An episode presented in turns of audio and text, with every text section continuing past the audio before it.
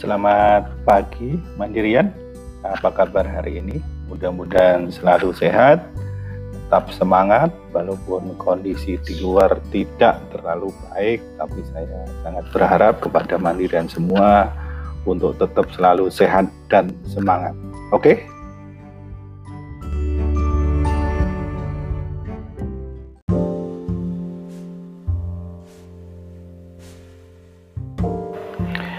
Topik yang akan kita bahas pada pagi hari ini adalah pengantar produk SME dan perkenalkan saya Srianto dari Retail Banking Academy Mandiri University yang akan menemani teman-teman uh, setengah hari ke depan.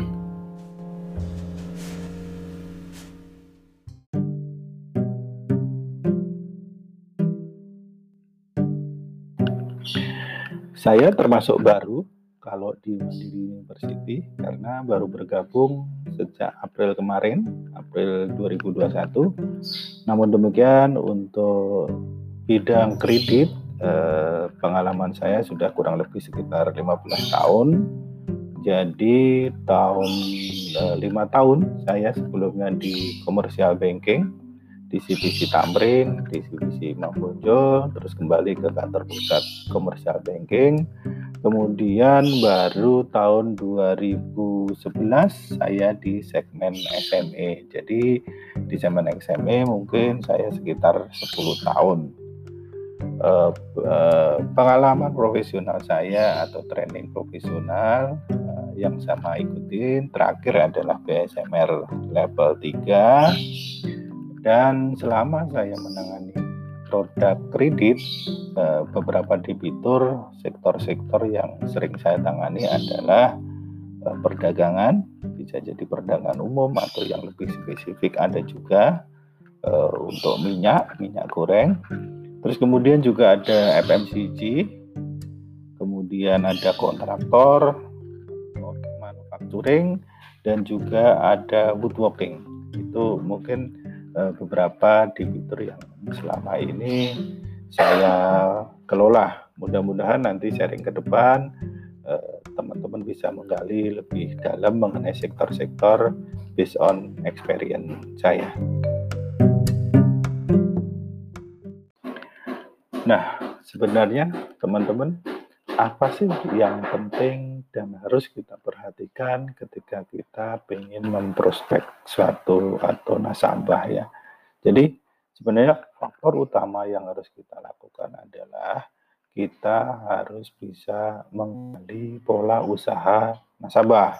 Gitu. Jadi eh, kalau kita tahu pola usaha nasabahnya, kita akan lebih clear, kita akan lebih aman kita akan lebih bisa memilihkan kira-kira produk mana yang cocok bagi si nasabah tersebut. Itu kira-kira. Jadi dengan kita tahu pola usaha nasabah, kita tahu dari mana dia mendapatkan suatu pekerjaan atau suatu proyek, terus kemudian bagaimana dia mengelolanya, bagaimana dia mengelolahnya, mengolahnya gitu kan terus kemudian berupa apa outputnya, berapa lama dia menjadikan cash.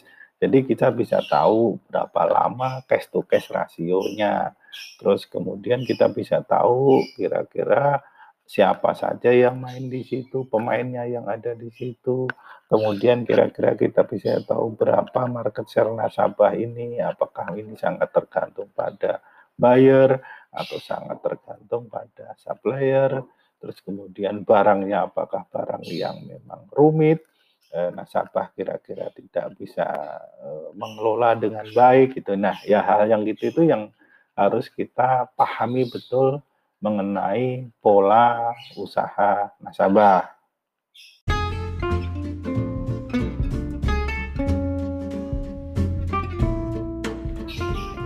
Dengan kita tahu pola uh, usaha nasabah, tentunya kita akan lebih gampang untuk next step selanjutnya uh, menstruktur kebutuhan nasabah.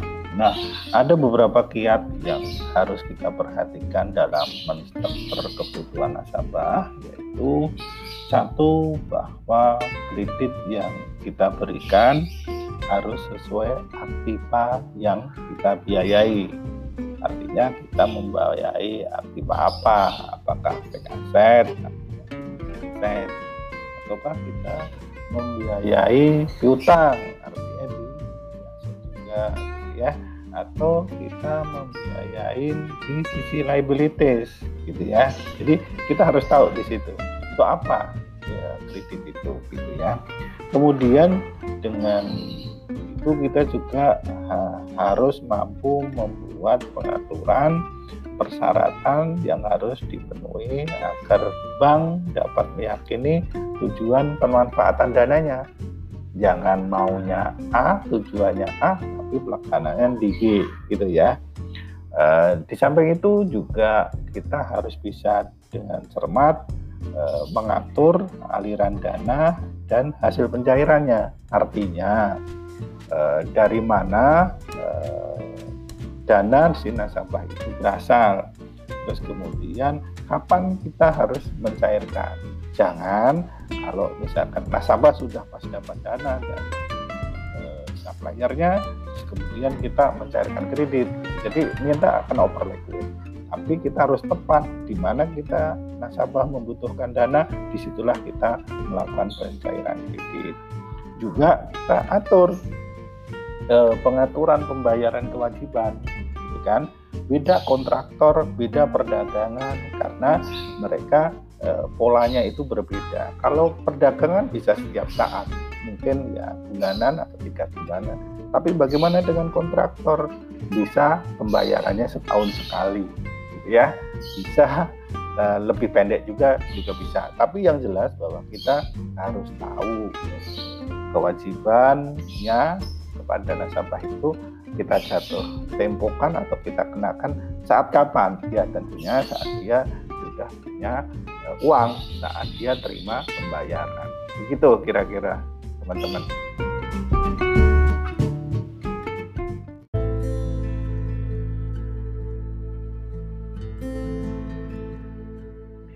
Selanjutnya kita akan masuk ke produk-produk yang ditawarkan di segmen kredit SME. Seperti tadi di atas kita sampaikan bahwa produk uh, kredit SME itu ada yang sifatnya cash loan dan sifatnya cash loan. Untuk yang cash loan kita punya satu kredit modal kerja, dua kredit investasi, tiga kredit agunan surat berharga, keempat kredit produktif berbasis aset, kelima kredit koperasi. Nah, yang keduanya yaitu untuk yang uh, eh, non cash loan berupa bank garansi. Bank garansi ini juga bank bermacam-macam. Ada bank garansi tender, ada bank garansi pelaksanaan, ada bank garansi pemeliharaan, dan juga ada yang bank garansi akhir tahun. Nah, nanti ada apa di sana? Nanti kita bicarakan sama-sama kita diskusikan mudah-mudahan akan lebih menarik eh, baik dari fiturnya, definisinya, kemudian penggunaannya seperti apa, skemanya seperti apa, kita ulas berikut ini.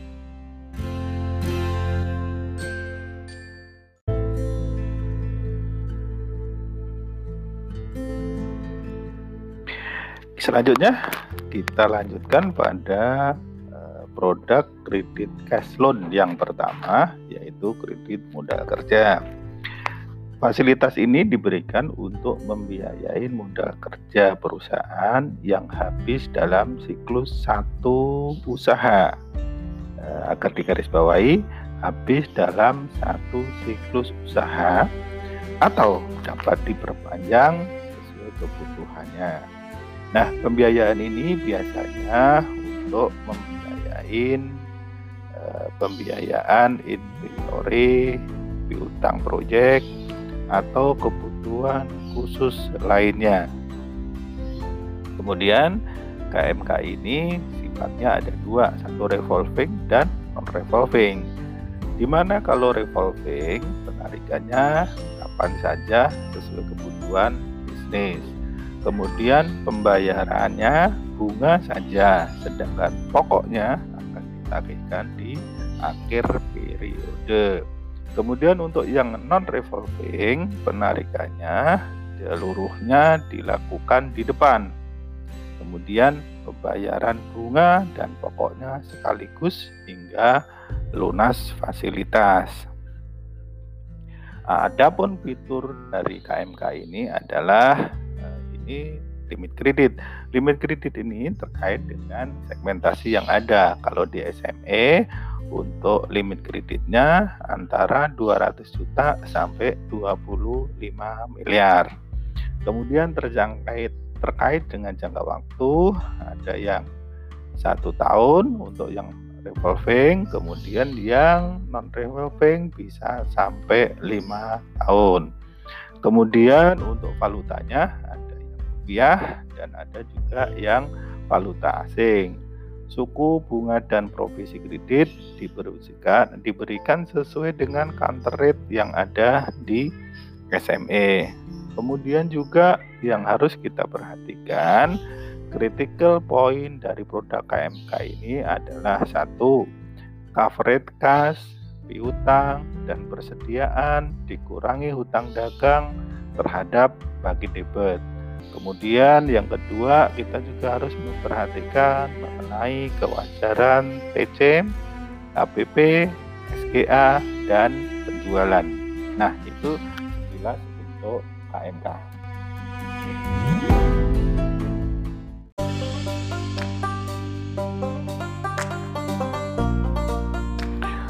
Jenis kredit yang kedua yaitu kredit investasi kredit jangka panjang atau menengah yang diberikan kepada debitur atau calon debitur bisa perusahaan atau badan usaha untuk membiayai barang-barang modal.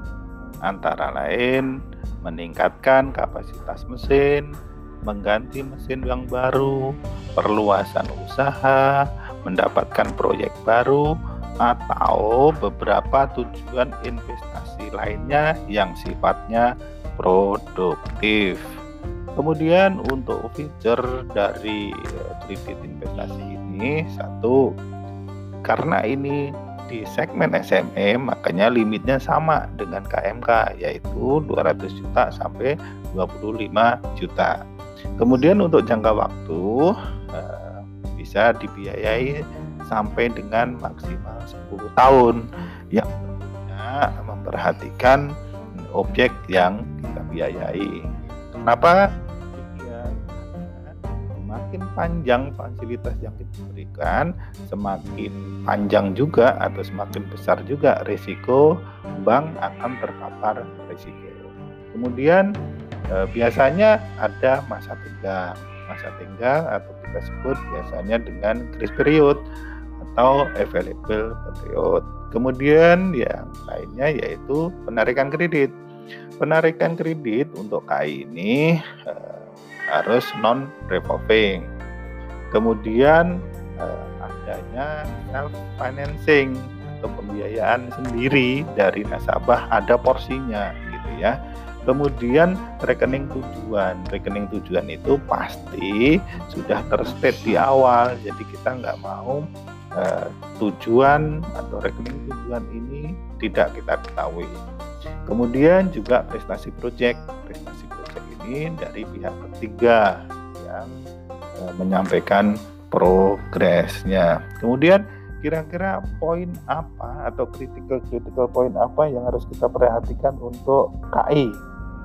Yang pertama adalah kewajaran cost of projectnya. Jadi kita harus paham benar kira-kira nilai wajar dari cost of project. Kemudian syarat-syarat penarikan kredit. Kemudian kita juga harus kita pastikan eh, transfer ke rekening penjualan atau rekening penjual kalau kita membiayai untuk uh, pembelian. Kemudian juga kewajaran jangka waktu kredit tadi yang kita sampaikan harus mengikuti proyeknya jangan proyeknya selesai satu tahun tapi kita berikan fasilitas lima tahun. Uh, akan misling di situ. Kemudian ada self financing yang besarannya bisa kita atur sesuai kesepakatan dengan debitur kemudian yang terakhir adalah kewajaran dari jadwal angsuran terhadap cash flow usaha debitur.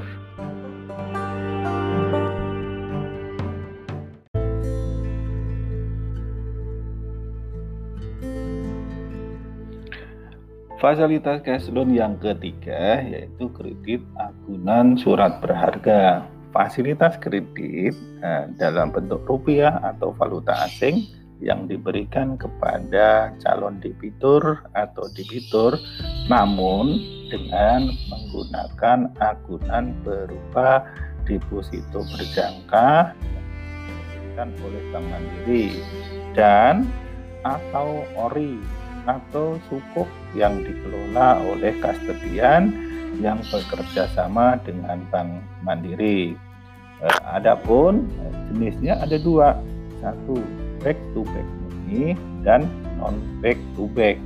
Apa yang dimaksud dengan back to back murni? Yaitu agunan depositonya eh, atas nama calon debitur atau debitur itu sendiri kemudian agunannya sama dengan eh, valuta kreditnya.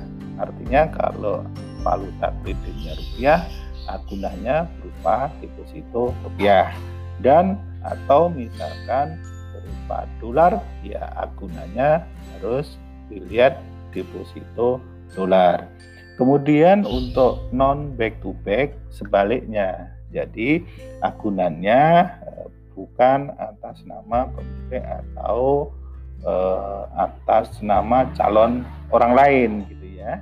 Kemudian valutanya berbeda antara valuta yang diusulkan, yang dimohon dengan valuta uh, agunannya gitu. Nah, itu uh, sifat kreditnya. Kemudian fiturnya ada apa saja?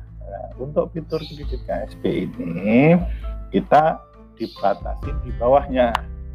Eh, minimal limitnya 50 juta. Namun eh, batas maksimalnya kita tidak atur.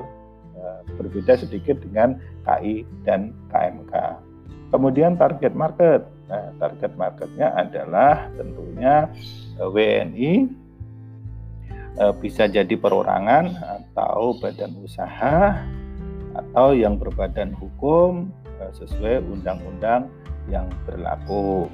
Jangka waktunya eh, satu bulan sampai dengan tiga bulan eh, atau tiga tahun.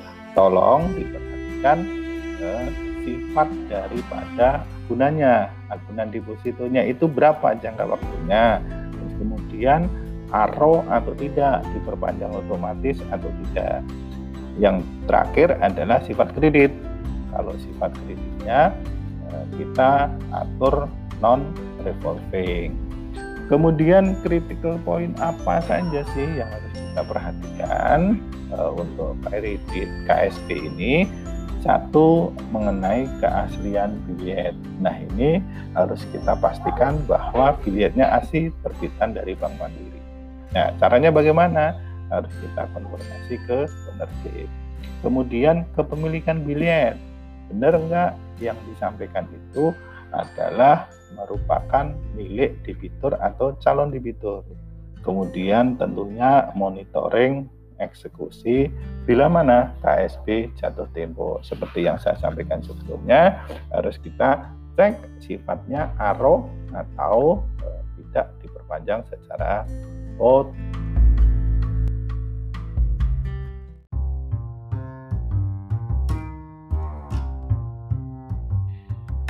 Nah, yang keempat yaitu fasilitas kredit produktif berbasis aset atau kita sering eh, perkenalkan dengan KPBA. Tujuan penggunaannya adalah pembiayaan usaha produktif dengan menggunakan efek aset debitur existing. Nah, eh, beberapa fitur yang ada di produk ini eh, limit sama dengan yang di produk-produk KMK, KI antara 200 juta sampai dengan 25 miliar. Kemudian usia dan pengalaman. Calon debitur berusia 21 tahun minimal dan mempunyai eh, lama atau mempunyai pengalaman di bidang usaha yang sejenis minimal 2 tahun. Kemudian jangka waktu fasilitas eh, satu tahun sampai dengan 10 tahun. Eh, sifat kreditnya adalah revolving. Kemudian untuk uh, critical pointnya adalah satu harus untuk usaha produktif. Jadi kalau untuk konsumtif nggak kita biayai, nggak masuk dalam kriteria pembiayaan KPBA ini. Kemudian pembayaran kewajiban berdasarkan realisasi saat ini. Kemudian eh, agunannya disahkan atau harus marketable. Jadi eh, seandainya fasilitas kreditnya default, agunannya bisa kita eksekusi dengan cepat. Eh, selanjutnya juga agunan ini harus ditinggali, bukan kosong, gitu ya. Jadi eh, kalau misalkan eh, fasilitas atau agunannya ini tanah kosong pasti tentu tidak, karena tidak produktif. Jadi bisa berwujud rumah tinggal, bisa berwujud gudang, bisa berwujud workshop sepanjang huni atau dipakai untuk usaha produksi.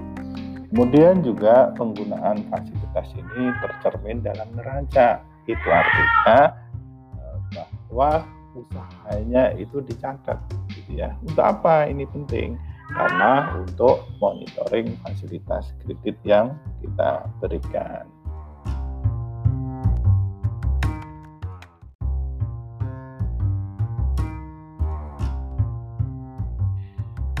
Nah, yang keempat yaitu fasilitas kredit produktif berbasis aset atau kita sering eh, perkenalkan dengan KPBA. Tujuan penggunaannya adalah pembiayaan usaha produktif dengan menggunakan fake aset debitur existing. Nah, eh, beberapa fitur yang ada di produk ini eh, limit sama dengan yang di produk-produk KMK KI antara 200 juta sampai dengan 25 miliar. Kemudian usia dan pengalaman. Calon debitur berusia 21 tahun minimal dan mempunyai eh, lama atau mempunyai pengalaman di bidang usaha yang sejenis minimal 2 tahun. Kemudian jangka waktu fasilitas eh, satu tahun sampai dengan 10 tahun. Eh, sifat kreditnya adalah revolving. Kemudian untuk uh, critical pointnya adalah satu harus untuk usaha produktif. Jadi kalau untuk konsumtif nggak kita biayai, nggak masuk dalam kriteria pembiayaan KPBA ini. Kemudian pembayaran kewajiban berdasarkan realisasi saat ini. Kemudian eh, agunannya disahkan atau harus marketable. Jadi eh, seandainya fasilitas kreditnya default, agunannya bisa kita eksekusi dengan cepat. Eh, selanjutnya juga agunan ini harus ditinggali, bukan kosong, gitu ya. Jadi kalau misalkan eh, fasilitas atau agunannya ini eh, tanah kosong pasti tentu tidak karena tidak produktif. Jadi bisa berwujud rumah tinggal, bisa berwujud gudang, bisa berwujud eh, workshop sepanjang itu dihuni atau dipakai untuk usaha produksi. Kemudian juga penggunaan fasilitas ini tercermin dalam neraca. Itu artinya bahwa usahanya itu dicatat gitu ya. Untuk apa ini penting? Karena untuk monitoring fasilitas kredit yang kita berikan.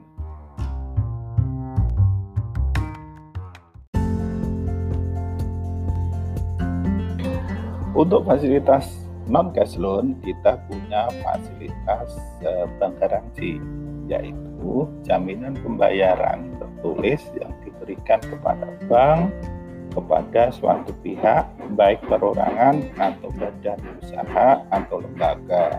Dengan jaminan tersebut, maka bank menyatakan akan memenuhi atau membayar kewajibannya dari pihak yang dijamin kepada pihak penerima apabila pihak yang dijamin e, tidak dapat memenuhi kewajibannya atau cedera janji atau tuan prestasi. Nah, e, bank garansi itu diuntukkan untuk apa? Bank garansi ini biasanya dipakai untuk tender, untuk uh, advance payment atau pembayaran di depan, untuk pelaksanaan pekerjaan atau perform atau untuk uh, retensi atau pemeliharaan. Jadi uh, ada uh, empat uh, yang biasanya dipakai untuk uh, bank pembiayaan bank garansi ini. Kemudian juga yang harus diperhatikan secara umum untuk bikin adalah ya hal-hal yang tidak boleh dalam penerbitan PG. Satu, tanggal terbitnya tidak sesuai dengan tanggal penerbitan yang sesungguhnya atau kita uh, kenal dengan istilah backdate itu tidak boleh di Bank Mandiri tidak ada boleh PG dengan backdate tanggal mundur tidak boleh uh, kemudian bersifat uh, recoverable terus kemudian bersifat kondisional kemudian Eh, tidak mencantumkan tanggal berakhirnya PG. Jadi ini open ya eh, jangka waktunya. Eh, kemudian tidak mensyaratkan dokumen klaim sama sekali.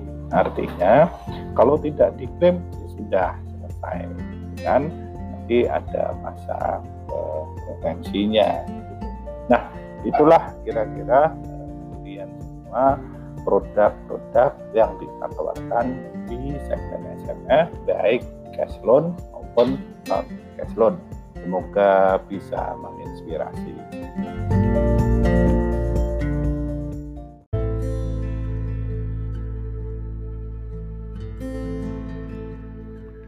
Mandirian, demikianlah modul pengantar produk SME. Eh, jika ada pertanyaan, silahkan jangan ragu untuk kontak saya di 0811 95 873 atau bisa juga via email di serianto.tirjowiano@gmail.com.